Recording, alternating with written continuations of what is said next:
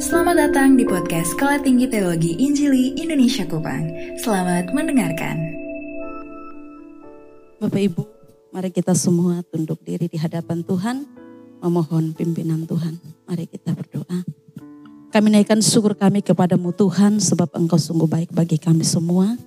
Engkau memberikan kami kesempatan pada saat ini untuk memuji nama Tuhan dan saatnya kami mau belajar firman-Mu. Kami yang terbatas ini Tuhan tidak mampu untuk memahami isi hatimu tanpa roh kudus membuka dan menyingkapkannya bagi kami. Karena itu Tuhan kami tundukkan diri kami di hadapan Tuhan memohon hikmat daripadamu kiranya engkau sendiri memberikan kami hikmat, memberikan kami pemahaman yang baik di dalam belajar dan merenungkan firman Tuhan. Dan di atas itu semua Tuhan berikan kami ketundukan untuk melakukan firman Tuhan dalam hidup kami. Terima kasih Tuhan Yesus. Kami mohon juga Tuhan mengampuni setiap dosa-dosa kami. Sehingga dosa kami tidak menjadi penghalang bagi kami untuk memahami kebenaran firman-Mu. Terima kasih banyak Bapak Surgawi. Kami datang kepadamu menyerahkan jam pemberitaan firman ini. Memohon Tuhan menolong kami semua. Sehingga kami yang mendengar di tempat ini Bahkan saudara-saudara kami yang mengikuti secara online pun diberkati dengan kebenaran firman Tuhan. Di dalam nama Tuhan Yesus yang adalah firman yang hidup itu, kami berdoa dan mengucap syukur. Amin.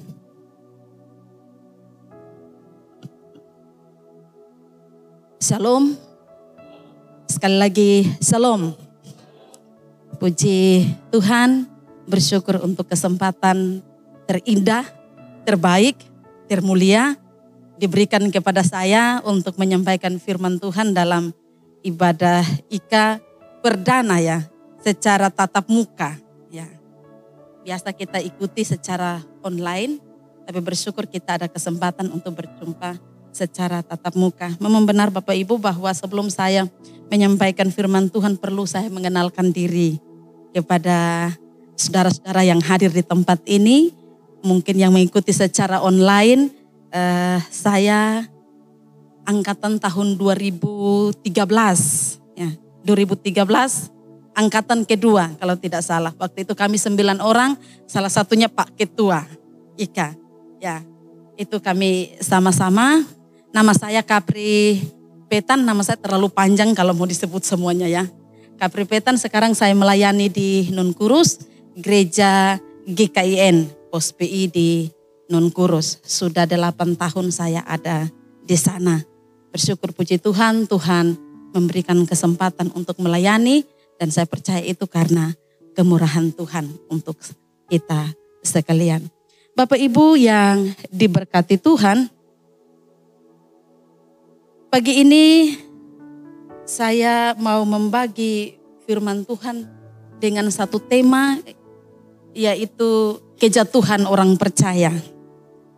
Setelah saya pilih tema ini, saya merasa tema ini mengkritik hati saya ya. Eh, apakah Bapak Ibu juga merasakan hal yang sama seperti saya? Bisa ya? Atau apa respon Bapak Ibu? Apa bisa orang percaya mengalami kejatuhan? Bukankah ada banyak janji di dalam Alkitab terkait penjagaan Tuhan? terkait pemeliharaan Tuhan, terkait pertolongan Tuhan bagi orang percaya. Saya lalu membuka ada banyak sekali ayat terkait hal itu. Bahwa untuk setiap orang percaya Tuhan berjanji untuk menjaganya. Yesaya 41 ayat 10, jangan takut sebab aku menyertai engkau. Jangan bimbang sebab aku ini Allahmu Aku meneguhkan bahkan akan menolong engkau. Aku akan memegang engkau dengan tangan kananku yang membawa kemenangan. Lalu kita lanjutkan dalam ayat yang ke-13. Sebab aku ini Tuhan Allahmu memegang tangan kananmu dan berkata kepadamu, jangan takut, akulah yang menolongmu. Bapak Ibu ayat-ayat ini memberikan kepada kita satu peneguhan secara serius bahwa sebagai anak-anak Tuhan kita ada dalam tangan Tuhan Tuhan yang menjaga, Tuhan yang memelihara, Tuhan yang menopang. Bagaimana mungkin hamba Tuhan atau orang percaya bisa mengalami yang namanya kejatuhan. Lanjut Mazmur 63 ayat 8. Sungguh engkau menjadikan sungguh engkau telah menjadi pertolonganku dan dalam naungan sayapmu aku bersorak-sorai. Engkau menjadi pertolonganku kalau Tuhan yang tolong kita. Apa bisa kita jatuh? Saya tidak membacakan semua ayatnya Bapak Ibu. Tapi ayat-ayat ini cukup memberikan kepada kita satu penjelasan bahwa orang percaya betul-betul dijaga dan dilindungi Tuhan. Demikian Bapak Ibu, bagaimana mungkin kita orang percaya bisa mengalami yang namanya kejatuhan? Kita melihat dalam Alkitab, Alkitab secara jelas memberikan kepada kita atau mencontohkan kepada kita beberapa hamba Tuhan yang mengalami kejatuhan. Salah satunya Daud. Kita semua tahu betapa Daud orang yang hebat yang dipilih Tuhan dengan segala kelebihannya. Tapi dia jatuh dan kejatuhan Daud itu sangat memalukan. Karena apa? Dia jatuh dalam perjinahan, dosa perjinahannya itu lalu melahirkan pembunuhan dan lain-lain. Itu begitu mengerikan Bapak Ibu. Tidak hanya itu, Simpson juga begitu. Simpson ini anak yang diminta. Yang diminta oleh orang tuanya Manuel bersama istrinya betul-betul bergumul karena mereka tidak punya anak. Tapi setelah punya anak dan mereka mempersembahkan Simpson kepada Tuhan, perjalanan Simpson bagaimana dia juga mengalami kejatuhan gara-gara apa namanya? C-I-N-T-A. Kalau ada di sini yang masih muda mungkin bisa melihat itu. Ibu bapak, ada juga yang mengalami kejatuhan. Mungkin kita semua tahu. Rasul Petrus sendiri. Rasul yang dipilih oleh Yesus sendiri. Dia juga mengalami kejatuhan. Saya kira pagi ini saya mengajak kita untuk belajar dari Simon Petrus ini.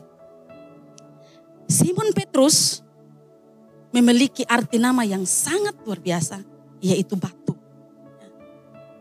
Lalu Yesus juga memberi nama lain kepada Simon Petrus, yaitu Kefas. Bahkan Yesus sendiri berkata kepada Simon Petrus dalam Matius 16 ayat 18. Dan aku pun berkata kepadamu sesungguh engkau adalah Petrus dan di atas batu karang ini akan aku akan mendirikan jemaatku dan alam maut tidak akan menguasainya. Berarti Petrus ini dipilih dengan segala kelebihannya dia. Tapi kita semua tahu bahwa Petrus pun mengalami kejatuhan. Karena itu beberapa kebenaran penting sehubungan dengan kejatuhan orang percaya ini saya akan bagikan kepada kita. Yang pertama, penyebab terjadinya kejatuhan. Saya mengajak kita membaca bagian firman Tuhan dalam Markus 14. Markus 14 ayat 29 ayatnya yang ke-31. Markus 14 ayatnya yang ke-29 dan ayatnya yang ke-31. Kata Petrus kepadanya, biarpun mereka semua terguncang imannya, aku tidak. Ayat 31, tetapi dengan lebih bersungguh-sungguh Petrus berkata, sekalipun aku harus mati bersama-sama engkau, aku takkan menyangkal engkau. Semua yang lain pun berkata demikian juga. Bapak Ibu, apa yang Bapak Ibu dapatkan dari dua ayat ini? Petrus berkata, biar mereka semua terguncang iman, saya tidak Tuhan. Saya akan mati bersama-sama dengan engkau. Ini kata-kata yang sangat luar biasa ya. Di sini saya melihat bahwa ada kesombongan dalam diri Petrus sendiri. Kesombongan merupakan pintu kejatuhan Petrus. Petrus merasa lebih hebat dengan kekuatannya untuk menghadapi sesuatu yang akan terjadi. Petrus merasa diri lebih mampu dari murid-murid yang lain dan menganggap dirinya lebih pas, lebih hebat untuk mendampingi Yesus atau bersama-sama dengan Yesus untuk menghadapi penderitaan yang sebentar lagi Yesus alami. Kesombongan ada dalam diri Petrus. Bapak Ibu, kita semua mungkin berpikir apa namanya? Sombong itu seperti apa sih? Kalau di dalam uh, kamus besar bahasa Indonesia sombong itu merasa menghargai diri lebih. Menghargai diri lebih, congkak dan apa namanya? Ketika menghargai diri lebih, kita punya potensi untuk menganggap orang lain itu tidak mampu. Kita lebih. Alkitab mengecam orang yang sombong. Ada banyak sekali ayat yang mengatakan demikian. Alkitab mengecam orang yang sombong. Itu sebabnya pagi ini saya mengajak kita merenungkan poin ini secara serius. Sebagai pendeta, sebagai hamba Tuhan, sebagai guru Injil mungkin, sebagai guru yang mengajar di sekolah sekuler dan lain-lain, kita berpikir tentang poin ini. Adakah kita memiliki kecenderungan menuju poin ini, merasa lebih daripada yang lain? Yesaya 2 ayat 11, manusia yang sombong akan direndahkan dan orang yang angkuh akan ditundukkan. Dan hanya Tuhan sajalah yang maha tinggi pada hari itu. Masih banyak sekali ayat terkait dengan poin ini. Karena itu Bapak Ibu sering kali orang percaya merasa diri lebih daripada yang lain. Lebih unggul ketika diperhadapkan dengan suatu masalah. Dan ingatlah bahwa itu titik mula kita mengalami kejatuhan. Saudara mungkin punya pengalaman. Saya pendeta ketika ada jemaat datang mengkritik saya. Apa? Jemaat saja. Beta belajar teologi kalau punya bibit seperti itu, berkaca dari Petrus.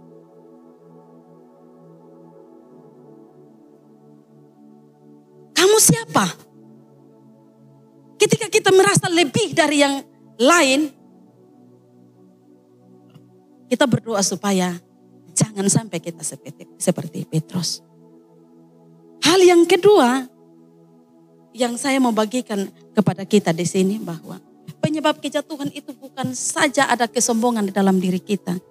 Tetapi dari Petrus kita belajar bahwa kurang berdoa menyebabkan kita juga mengalami kejatuhan. Markus 14 ayatnya yang ke-37 38. Setelah itu ia datang kembali dan mendapati ketiganya sedang tidur dan ia berkata kepada Petrus, "Simon, sedang tidurkah engkau? Tidakkah engkau sanggup berjaga-jaga satu jam?" Berjaga-jagalah dan berdoalah supaya kamu jangan jatuh ke dalam pencobaan. Roh memang penurut tetapi daging lemah. Yesus menegur Petrus karena menyia-nyiakan waktu berdoa. Lebih mementingkan waktu untuk tidur. Teman Bapak Ibu mungkin berpikir ya masa pendeta juga begitu, masa guru-guru Injil seperti itu. Kan tidaklah kita punya waktu ini banyak berdoa. Kalau sonde berdoa, ya kan jangan sebut pendeta dan lain-lain. Mari kita melihat lebih jauh bahwa Yesus bergumul dalam doa untuk menghadapi penderitaan yang akan dialami dan itu terbukti Bapak Ibu bahwa Yesus memang menang atas penderitaan itu. Menang dalam hal apa? Menang bahwa Yesus memang sungguh-sungguh mampu menerima penderitaan itu. Dia mati di kayu salib. Mampu menerima itu. Ketika dia berdoa, dia mendapatkan kekuatan dari Tuhan sendiri. Lukas 22 ayat 42, 43. Ya Bapak, jikalau engkau mau, ambillah cawan ini daripadaku. Tetapi bukanlah kehendakku, melainkan kehendakmu lah yang terjadi. Ayat 43, maka seorang malaikat dari langit menampakkan diri kepadanya dan memberi kekuatan kepadanya. Bapak Ibu, ini menunjukkan bahwa doa adalah jalan di mana Allah memberi kekuatan kepada kita untuk menghadapi berbagai-bagai tantangan hidup. Tadi saya katakan mungkin kita berkata, saya pendeta, saya berdoa. Lebih banyak kita mendoakan jemaat. Kita mendoakan pelayanan kita. Tapi jangan lupa mendoakan diri sendiri sebagai pelaku dari pelayanan itu. Jujur kadang kita lebih banyak mendoakan pelayanan kita, jiwa-jiwa kita lupa mendoakan diri kita.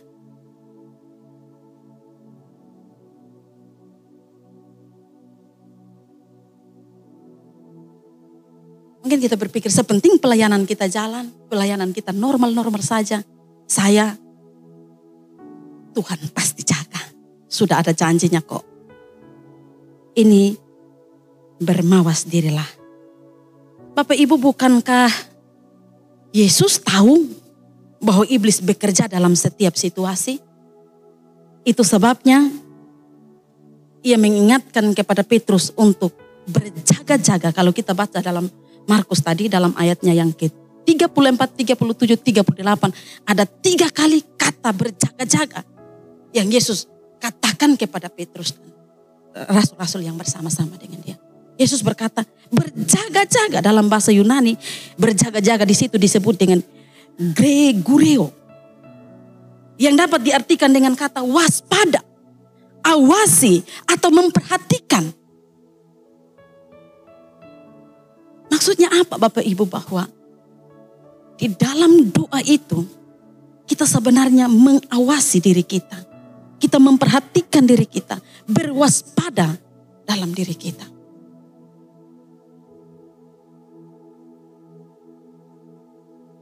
Petrus dan teman-temannya tidak berjaga-jaga di dalam doa sehingga iblis mengambil keuntungan dalam situasi itu. Iblis mengambil keuntungan. Iblis memang selalu mengambil keuntungan dari orang percaya.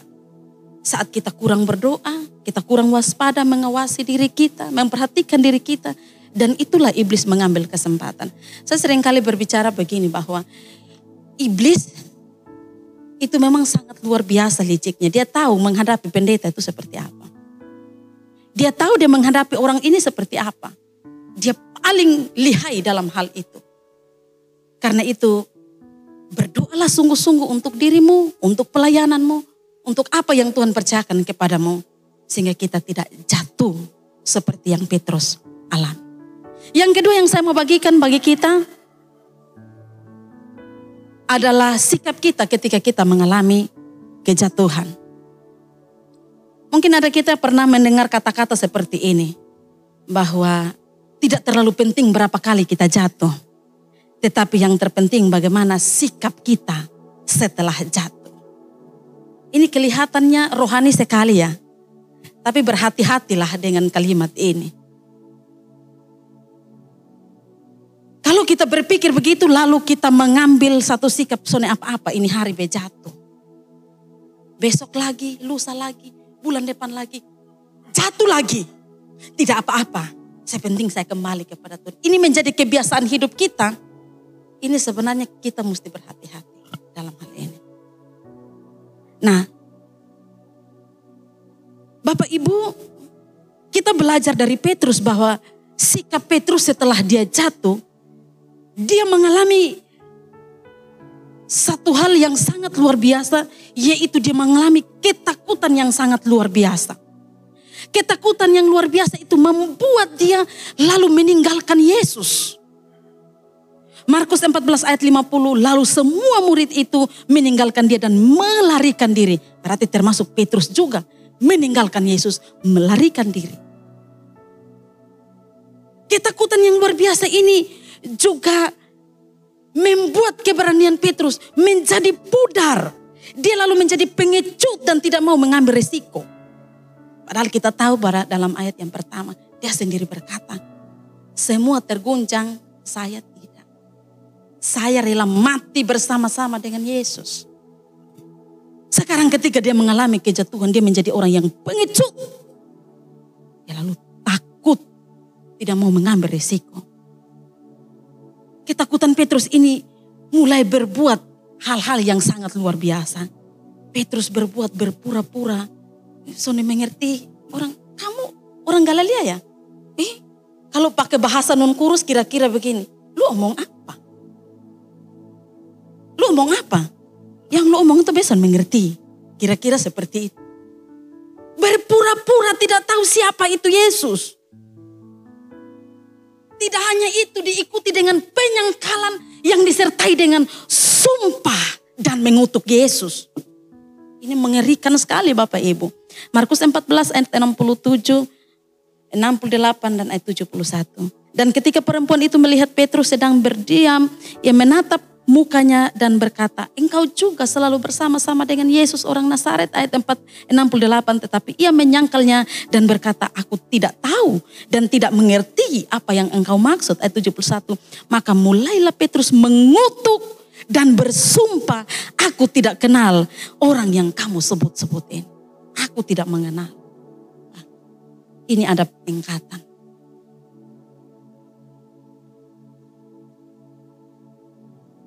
Tapi yang menarik bahwa Petrus tidak ada hanya dalam titik itu.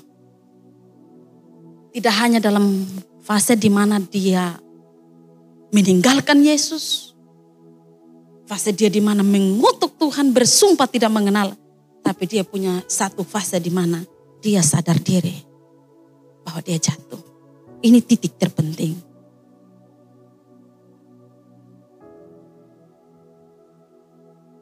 Lukas 22 ayat 61. Lalu berpalinglah Tuhan memandang Petrus maka teringatlah Petrus bahwa Tuhan telah berkata kepadanya. Sebelum ayam berkokok pada hari ini engkau telah menyangkal aku.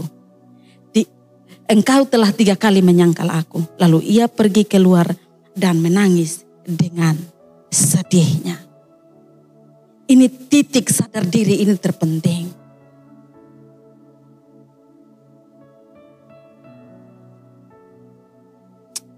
Bapak Ibu di balik semua yang Petrus alami.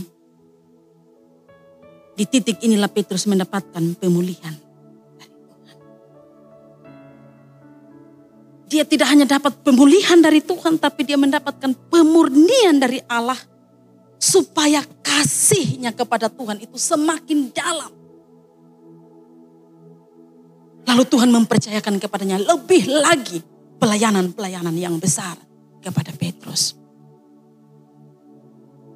Kalau kita bandingkan dengan Yohanes 21 ayat 15 sampai 19. Di situ Yesus berkata, Simon, apakah kamu mengasihi aku? Ya Tuhan, engkau tahu. Tiga kali Tuhan bertanya. Dan Petrus menyadari itu. Bukankah ini satu kesempatan yang luar biasa?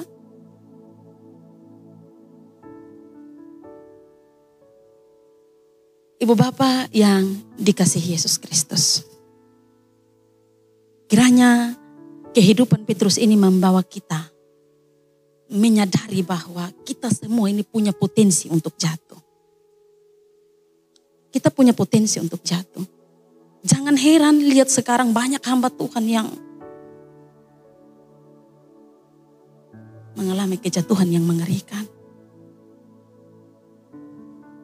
Di mana Tuhan tempatkan kita. Ingat visi misi alma mater kita. Sarjana suci setia menjadi dasar kita. Terbukti kita menjadi contoh. Saya pernah ditanya begini Bapak Ibu. Ibu lulusan mana? Permisi saya lihat. Saya kenal, tahu, Tapi saya juga tidak mau malu lah. Saya dari STTI Kupang, Pak. Ada kampus begitu? Eh, ada, Pak. Kalau tidak ada nanti saya antar, Pak, ke kampus. Oh, i pantas sih berbeda. Bukan mau maksud menyombongkan diri, tapi dalam poin ini saya tahu lah. Saya tidak tahu apa yang dimaksudkan dengan kata berbeda ini. Saya tidak tahu. Tapi di situ saya menemukan poin bagi saya, saya berbangga dengan alma mater saya. Menjadikan saya berbeda. Bapak Dami juga pernah ada di tempat pelayanan saya, tahu situasi di sana. Saya bersyukur saya ada di sana, belajar banyak untuk hal ini. Sekali lagi kita semua punya potensi untuk jatuh. Berdoalah kepada Tuhan dengan sungguh-sungguh. Sadar dirilah bahwa hanya dekat dengan Tuhan. Tuhan memegang tangan kita. Tuhan memberkati kita semua kita berdoa. Kami mengucap syukur untuk kebenaran firman Tuhan saat ini. Tolong kami Tuhan dalam setiap pelayanan kami.